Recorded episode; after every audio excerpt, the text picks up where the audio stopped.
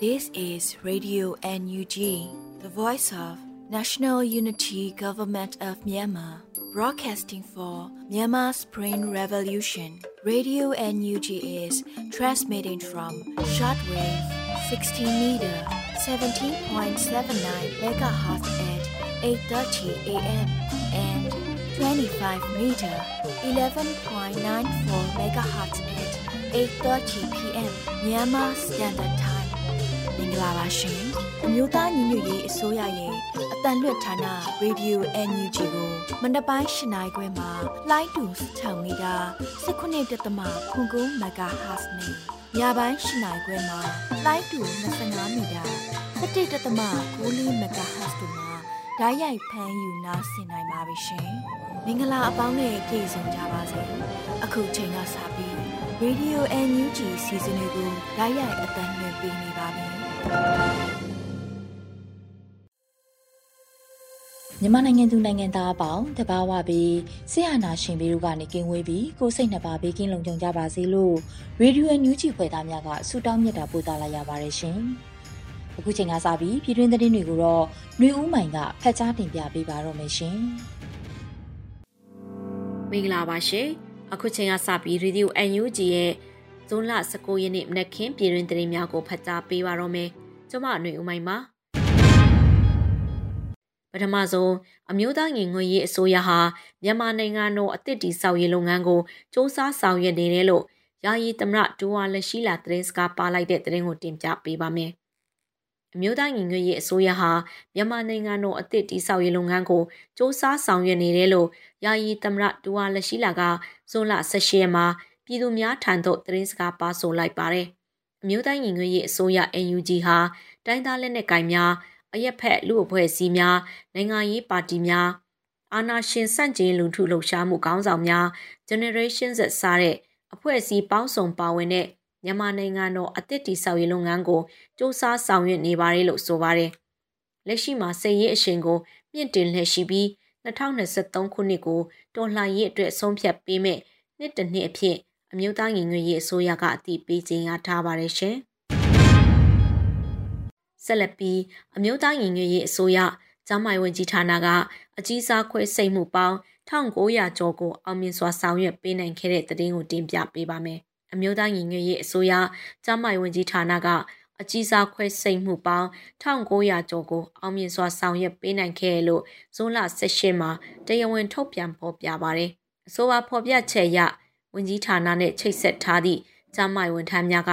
စကိုင်းတိုင်းတကူထဲမှာပင်2023ခုနှစ်ဖေဖော်ဝါရီလအထိလူနာပေါင်း3,9,2086ဦးကိုကုသမှုပေးနိုင်ခဲ့ပြီး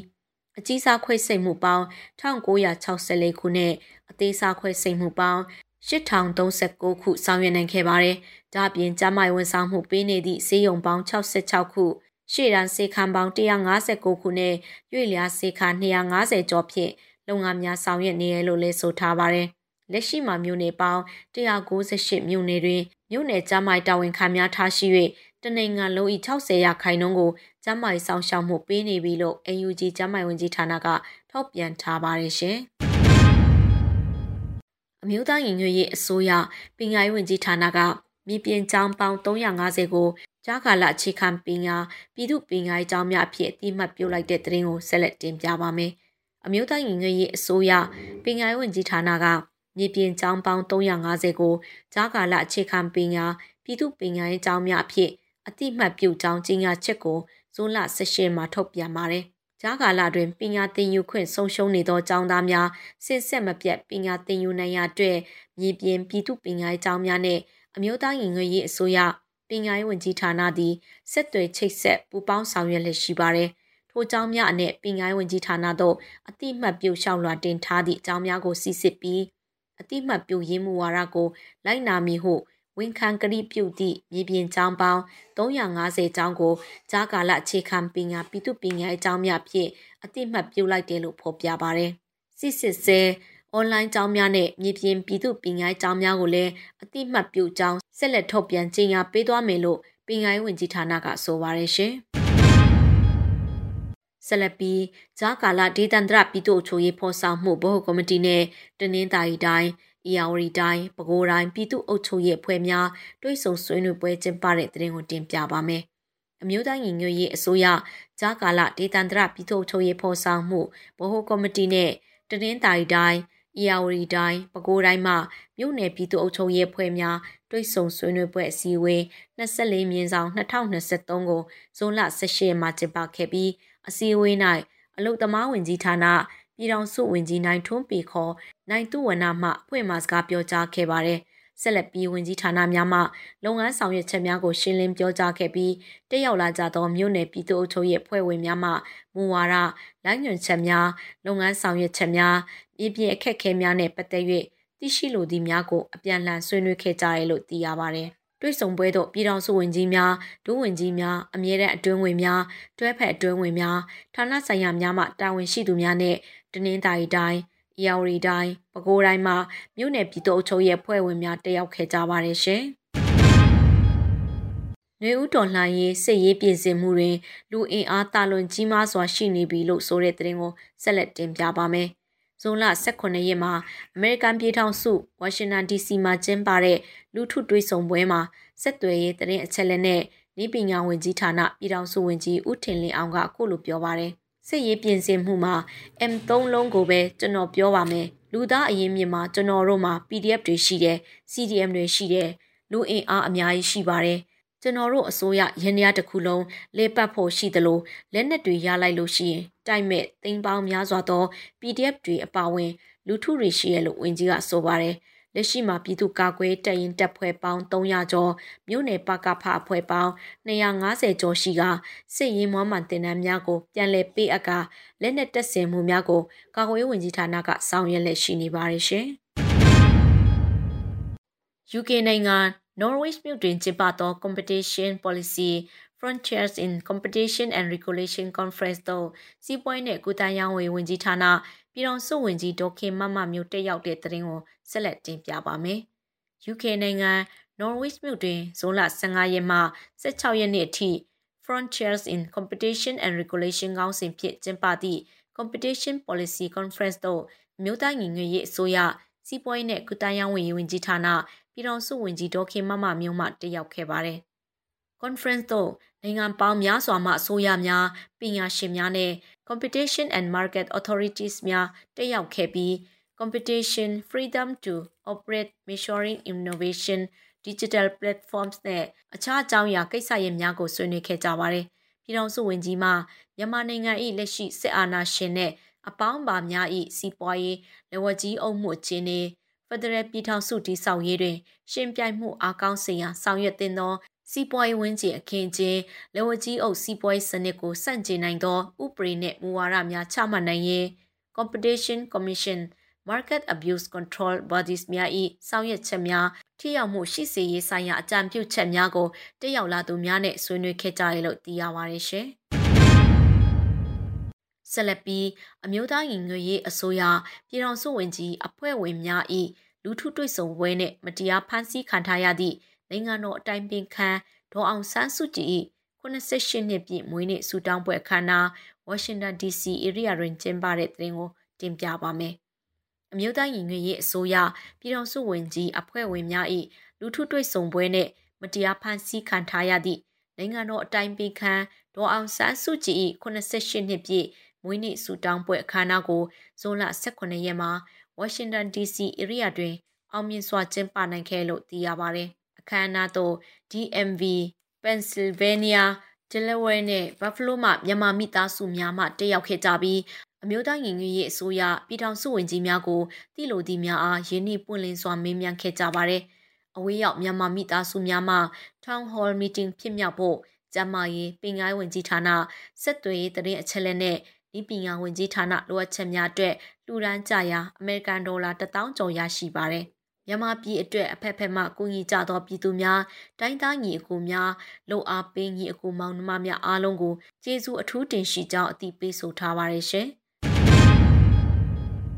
ဆက်လက်ပြီးဒေါ်အောင်ဆန်းစုကြည်ရဲ့88နှစ်မြောက်မွေးနေ့နဲ့ငိမ့်ချရေးဆန္ဒပြပွဲကိုကိုရီးယားနိုင်ငံဘူဖြောင်းမြို့မှာကျင်းပရာလူဦးရေရာနဲ့ချီတက်ရောက်အားပေးတဲ့တဲ့ရင်ကိုတင်ပြပါမယ်။ဇိုလ18ရက်နေ့မွန်းလွဲအချိန်တွင်ဒေါ်အောင်ဆန်းစုကြည်88နှစ်မြောက်မွေးနေ့လွတ်မြောက်ရေးနဲ့ ငင်းချရေးဆန္ဒပြပွဲကိုစစ်အာဏာသိမ်းမှုစန့်ကျင်ရေးကော်မတီကိုရီးယားဥဆောင်ကျင်းပခဲ့ရာကိုရီးယားအခြေစိုက်တော်လှန်ရေးအဖွဲ့အစည်းတွေနဲ့တက်ကြွလှုပ်ရှားသူတွေအပါအဝင်လူဦးရေ900နီးပါးတက်ရောက်ခဲ့ပါတယ်။အဆိုပါပွဲမှာစစ်တပ်ရဲ့ရက်ဆက်ကြမ်းကြုတ်မှုများကိုတရုတ်ဖော်ပြသခဲ့ပြီးကဗျာရွက်ဖက်ခြင်းနဲ့တချင်းများဖြင့်ဖြိုးဖြင်းမှုတို့လည်းပါဝင်ခဲ့ပါတယ်ရှင်။ စကိုင်းတိုင်းကမ်ဘလူမြို့နယ်ချက်သိန်းတိုက်နယ်အတွင်းရှိစစ်ဆောင်ပြည်သူများမွေဆိုးကြိုက်ခံရမှုဇွန်လအတွင်းလူနာခုနှစ်ဦးထိရှိလာတဲ့တဲ့ရင်ကိုဆက်လက်တင်ပြပါမယ်။စကိုင်းတိုင်းကမ်ဘလူမြို့နယ်ချက်သိန်းတိုက်နယ်အတွင်းရှိစစ်ဆောင်ပြည်သူများမွေဆိုးကြိုက်ခံရမှုဇွန်လတရက်နေ့မှ18ရက်အတွင်းလူနာခုနှစ်ဦးထိရှိလာတယ်လို့ကျွန်းလှကမ်ဘလူတက်ကြွလှုပ်ရှားသူများအဖွဲ့ကမ်ဘလူခရိုင်ကဇွန်လ18ရက်မှာတည်ပြီးဆိုပါရယ်။ ဇွန်လ18ရက်နေ့မနက်9:15မိနစ်အချိန်ခန့်တွင်ကမ်ဘလူခရိုင်ချက်သင်းတိုက်နယ်အတွင်းရှိအသက်48နှစ်ဝန်းကျင်စစ်ရှောင်းအမျိုးသမီးတဦးမွေဆိုးကြိုက်ခံရပါတယ်။အဆိုပါအမျိုးသမီးသည်လေယာလောက်ကင်ရင်မွေဆိုးကြိုက်ခံရခြင်းဖြစ်ပါတယ်လို့ဆိုပါတယ်။မွေဆိုးကြိုက်လူနာအား BPI မွေစိတ်ဖြည့်ဆေးလေးလုံးထိုးနှံပေးခဲ့ပြီးအခြေအနေစောင့်ကြည့်နေရလို့ဒေသခံစစ်ရှောင်းကူငီရဲ့အဖွဲ့များထံမှသိရပါတယ်ရှင်။ KNLA တပ်ရင်း29နဲ့ PDF ပူးပေါင်းစစ်ကြောင်းမှမော်လမြိုင်ရေးတဝေကားလမ်းမတလျှောက်မော်တော်ယာဉ်များအားစစ်ဆေးခဲ့ရာအရက်ဝက်စစ်ကောင်စီတပ်သား၄ဦးကိုတွေ့ရှိခဲ့၍ထိမ့်သိမ်းထားတဲ့တရင်ကိုနောက်ဆုံးတင်ပြပေးချင်ပါတယ်။ KNLA တပ်ရင်း29နဲ့ PDF ပူးပေါင်းစစ်ကြောင်းမှမော်လမြိုင်ရေးတဝေကားလမ်းမတလျှောက်မော်တော်ယာဉ်များအားစစ်ဆေးခဲ့ရာအရက်ဝက်စစ်ကောင်စီတပ်သား၄ဦးကိုတွေ့ရှိခဲ့၍ထိမ့်သိမ်းထားတယ်လို့သတင်းနဲ့ပြန်ကြားရေးဌာန စစ်ဒေသခွဲအမှတ်3ကဇွန်လ18မှာတည်ပြီးဆိုပါတယ်။မွန်ပြည်နယ်ရေးမြို့နဲ့တန်ဖြူစရက်မြို့ကြားရှိမော်လမြိုင်ရေးတဝေကားလမ်းမအမှတ်၈လမ်းမကြီးပေါ်တွင်ဇွန်လ18ရက်နေ့နေ့ပိုင်း၌ KNL တပ်ရင်း20ခုနဲ့ PDF ပူးပေါင်းစစ်ကြောင်းများမှလမ်းမကြီးတစ်လျှောက်လုံခြုံရေးရယူခဲ့ကြပြီးမော်တော်ယာဉ်များအားစစ်ဆေးခဲ့ပါတယ်။ စစ်ဆေးစဉ်ခရီးသည်အသွင်ဖြင့်ရင်ပေါ်တွင်လိုက်ပါလာသောအရက်ဝက်အကြမ်းဖက်စစ်ကောင်စီတပ်သားလေးဦးကိုတွေ့ရှိခဲ့သောကြောင့်ထိမ့်သိမ်းခဲ့ပြီးနောက်လိုအပ်သည့်စစ်ဆေးမှုများဆက်လက်လှုပ်ဆောင်လည်ရှိရလို့ဆိုပါတယ်။ပြီးခဲ့သည့်ဇွန်လ10ရက်နေ့တွင် KNL တပ်ရင်း20ခုမှမော်လမြိုင်တဝင်းဘိတ်အမှတ်၈လမ်းပိုင်းတွာလာကြမိကားများအနေဖြင့်စစ်တပ်၏လက်နက်ခဲယမ်းအပါအဝင်စစ်အင်အားတိုးချဲ့သည့်လူနှင့်ပစ္စည်းများတေဆောင်လာလင်စစ်ဆေးတွေ့ရှိမှုပေါ်မူတည်ပြီး အရေးယူမိဖြစ်ကြောင်းကြေညာချက်တစ်စောင်ထုတ်ပြန်ထားပါတယ်ရှင်။အခုတင်ပြခဲ့တဲ့သတင်းတွေကို Radio UNG သတင်းထောက်မင်းတီဟန်ကပေးပို့ထားတာဖြစ်ပါတယ်ရှင်။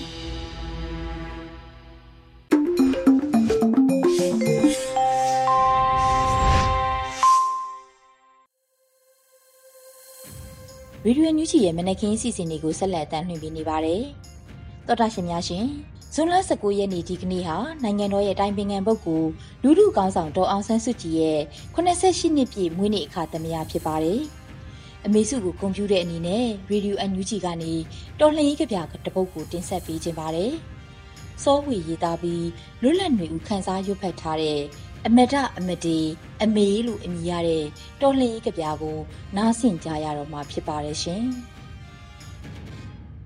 အမဒအမဒီ အမေမုံသူတစုကတတ်ချင်ပေမဲ့ချစ်သူများက ရှင်စေလိုလို့ရှင်နေသူအမတအမတေအမေ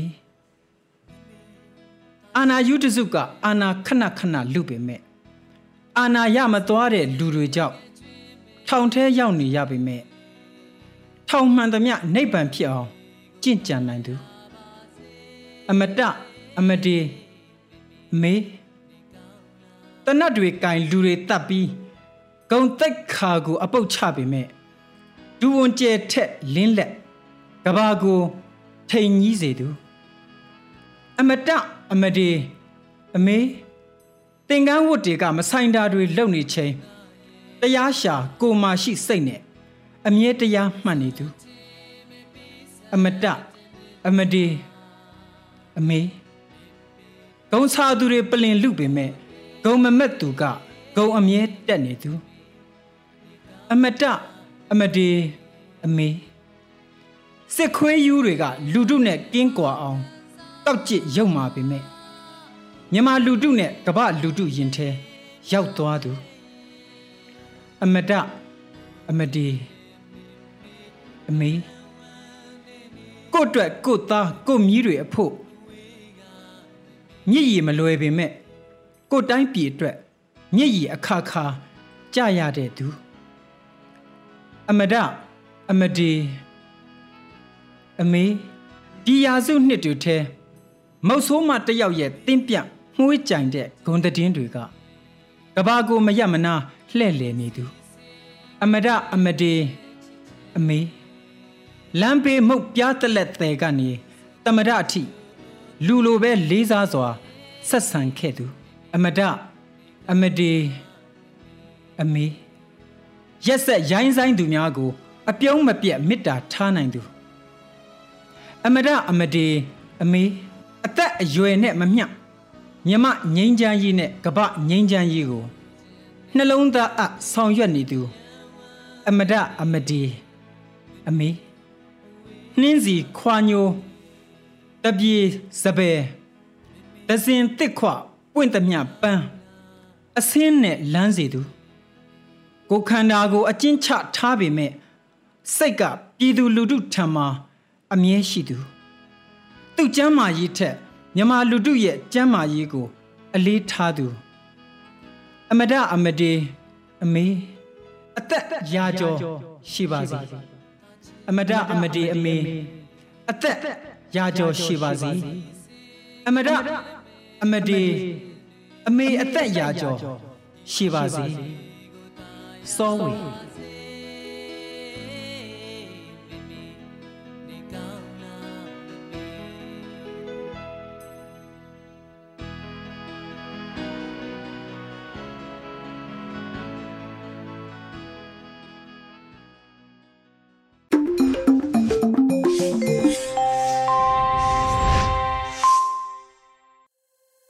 ရေဒီယိုညူဂျီရဲ့မနက်ခင်းစီစဉ်တွေကိုဆက်လက်အသံလွှင့်ပေးနေပါတယ်။အခုဆက်လက်ပြီးကျမ်းမာရေးပညာပေးစီစဉ်ကဏ္ဍမှာတော့စိတ်ဖိစီးမှုတွေအကြောင်းနဲ့ပတ်သက်ပြီးတယ်လီကျမ်းမာမှာတင်ဆက်ပေးထားတာကိုနားဆင်ကြရတော့မှာဖြစ်ပါတယ်ရှင်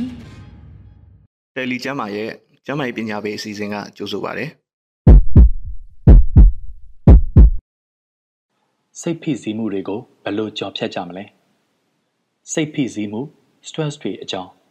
လူသားရဲ့လိုဖြစ်လာတဲ့အခါအသိဉာဏ်စင်ကြင်တတ်တဲ့အရွယ်ကစလို့ဘဝမှာစိတ်ဖိစီးတာတွေကိုနေ့စဉ်ခံစားနေကြရပါတယ်ရေဘူးရအားဖြင့်တော့စိတ်ဖိစီးတာတွေကိုအလွယ်တကူကင်တွယ်ဖြေရှင်းနိုင်ကြတတ်ပေမဲ့ပုံမှန်မဟုတ်တဲ့စိတ်ဖိစီးမှုတွေကရုပ်ပိုင်းဆိုင်ရာရောစိတ်ပိုင်းဆိုင်ရာမှာပါတိုက်ရောက်မှုများစွာရှိပါတယ်ဒါပေမဲ့တယောက်နဲ့တယောက်မတူကွဲပြားနိုင်ပါတယ်စိတ်ဖိစီးမှုဇက်တိုက်ခံစားနေရလာပြီဆိုရင်တော့ကျမ်းမာရေးချို့တဲ့တာတွေကိုဖြစ်လာစေတတ်ပါတယ်။ အဖြစ်များတဲ့လက္ခဏာတွေကတော့ပင်ပန်းနွမ်းနယ်ခြင်း၊အားအိမ်ကုန်ခန်းခြင်း၊စိုးရိမ်ပူပန်ခြင်း၊အိပ်ရေးပြတ်ခြင်း၊အာယုံစူးစိုက်မှုအားနည်းခြင်း၊ကနာမငြိမ်ခြင်း၊စိတ်တူခြင်းတို့ဖြစ်ပါတယ်။စိတ်ဖိစီးမှုဖြစ်စေတဲ့တချို့အကြောင်းအရာတွေကတော့အိမ်တောင်ဘက်ဒါမှမဟုတ်ရင်းနှီးသောမိသားစုဝင်တဦးသေဆုံးခြင်းအိမ်ထောင်ရေးအဆင်မပြေဖြစ်ခြင်းထောင်အကျဉ်းကျခြင်းထိခိုက်ဒဏ်ရာရခြင်း သို့မဟုတ်ဖျားနာခြင်းမိမိစံထားမပါဘဲအိမ်ထောင်ပြုခြင်းအငိမ့်စားယူခြင်းလိမ်ပိုင်းဆိုင်ရာအခက်အခဲများရှိခြင်းကိုဝင်ဆောင်ခြင်းရင်အသွားအလာရှုပ်ထွေးဆူညံနေစဉ်ခရီးသွားခြင်းအမားလုံးမိခြင်းအတွက်အပြစ်ရှိစိတ်နှင့်အလားတူစိတ်တန်ရာများရရှိခြင်းတို့ဖြစ်ပါတယ်စိတ်ဖိစီးလို့ဖြစ်တဲ့နောက်ဆက်တွဲပြဿနာတချို့ကတော့စိတ်ထက်ကြခြင်းအရက်နှင့်မူရစ်ဆေးဆွဲခြင်း အစာမကြေဖြစ်ခြင်းဝမ်းလျှောဝမ်းချုပ်ခြင်းခေါင်းကိုက်ခြင်းပါးစပ်အနာများပေါက်ခြင်းပန်းသိပ်ပန်းညှို့ဖြစ်ခြင်းစီးခဏခဏသွားခြင်းအာယုံကြောနှင့်အရေးပြားရောင်ရမ်းခြင်း neurodermatitis ရင်သားနာကျင်ခြင်းတို့ပါဝင်ပါတယ်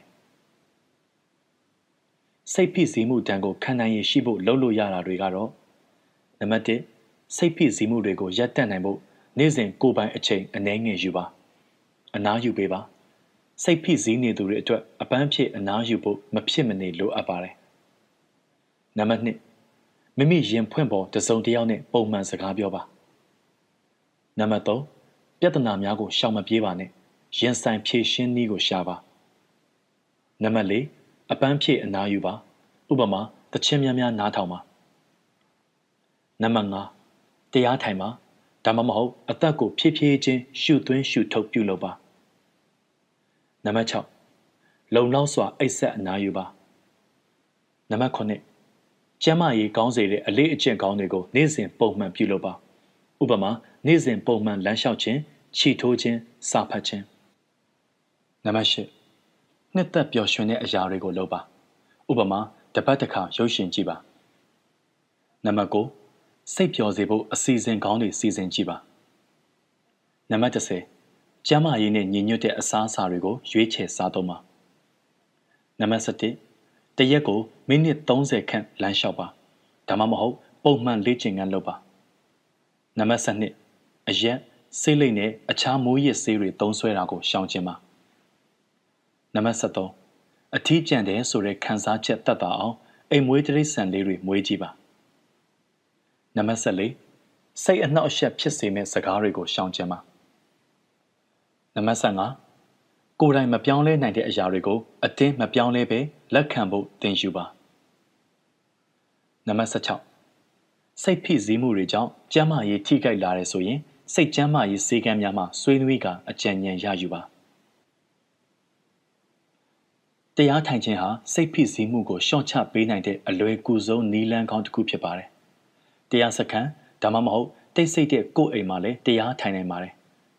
စိတ်ကိုစူးစီးထားပြီးတဖြည်းဖြည်းဝင်လေထွက်လေမှတ်ခါအသက်ရှူတာကိုအာယုံစိုက်ခါတရားမှတ်လို့ရပါတယ်စိတ်အနှောက်အယှက်ဖြစ်စေတဲ့အရာတွေအတွေးထဲပေါ်မလာအောင်တဖြည်းဖြည်းစူးစမ်းကြည့်ပါကျမ်းမာရေးနဲ့ညီညွတ်တဲ့အစားအစာတွေကိုရွေးချယ်စားသုံးတဲ့အခါကစီဓာတ်အသားဓာတ်နဲ့အဆီဓာတ်တို့ကိုမျှတစွာစားပေးပါအမြင့်ထက်ကျွယ်ဝစေဖို့ဟင်းသီးဟင်းရွက်နဲ့အသီးအနှံတွေကိုအလျင်းသင့်တယ်လို့စားပေးပါ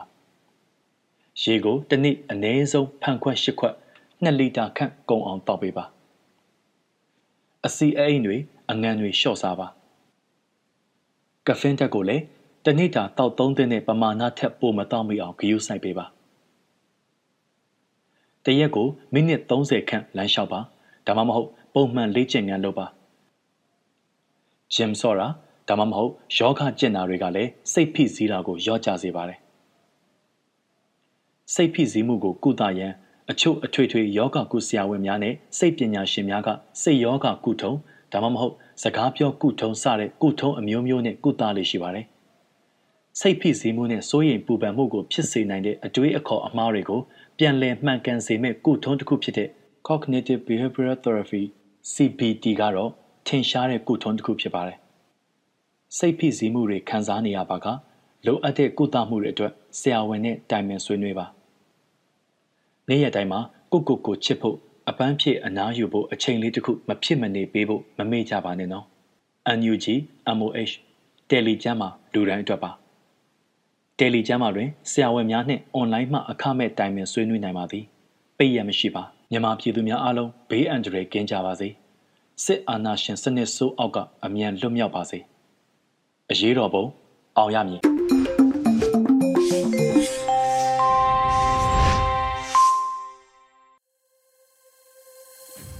ရေဒီယိုညူးဂျီကိုနာတော်တာဆင်နေတဲ့ပရိသတ်များရှင်ဒီကနေ့ဇွန်လ19ရက်နေ့ဟာနိုင်ငံတော်ရဲ့အတိုင်ပင်ခံပုဂ္ဂိုလ်ဒေါ်အောင်ဆန်းစုကြည်ရဲ့88နှစ်ပြည့်မွေးနေ့အခါသမယဖြစ်ပါတယ်။အမေစုကိုဂုဏ်ပြုတဲ့အနေနဲ့တော်လှန်ရေးတေးဂီတာတစ်ပုဒ်ကိုတင်ဆက်ပေးခြင်းပါတယ်။တေးဟီကီတီဖန်တေးစုຫນွေဦးပြည်သူများရဲ့မိခင်ကြီးအတွက်ဆူတောင်းလို့အမည်ရတဲ့တော်လှန်ရေးတေးဂီတာကိုနားဆင်ပေးကြပါအောင်ရှင်။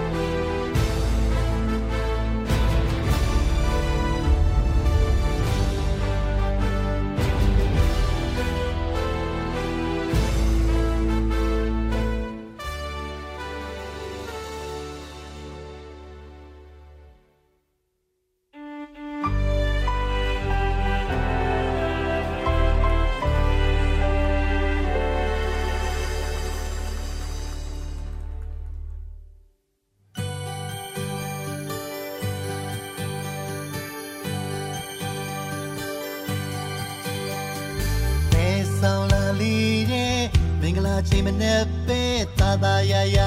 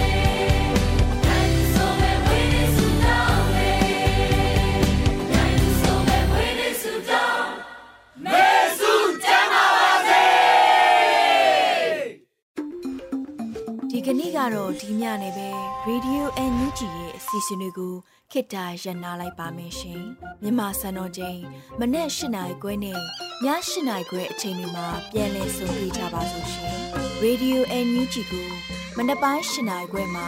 လိုင်းတူ16မီတာ19.7မမဂါဟတ်ဇ်ညပိုင်း၈နိုင်ခွဲမှာလိုင်းတူ25မီတာ17.6 MHz တို့မှာဓာတ်ရိုက်ဖမ်းယူနိုင်စင်တယ် မြန်မာနိုင်ငံသူနိုင်ငံသားများကိုစိတ်နှဖျားစမ်းမချမ်းသာလို့ဘေးကင်းလုံခြုံကြပါစေလို့ Radio NUG အဖွဲ့သူအဖွဲ့သားများကဆုတောင်းလိုက်ရပါတယ်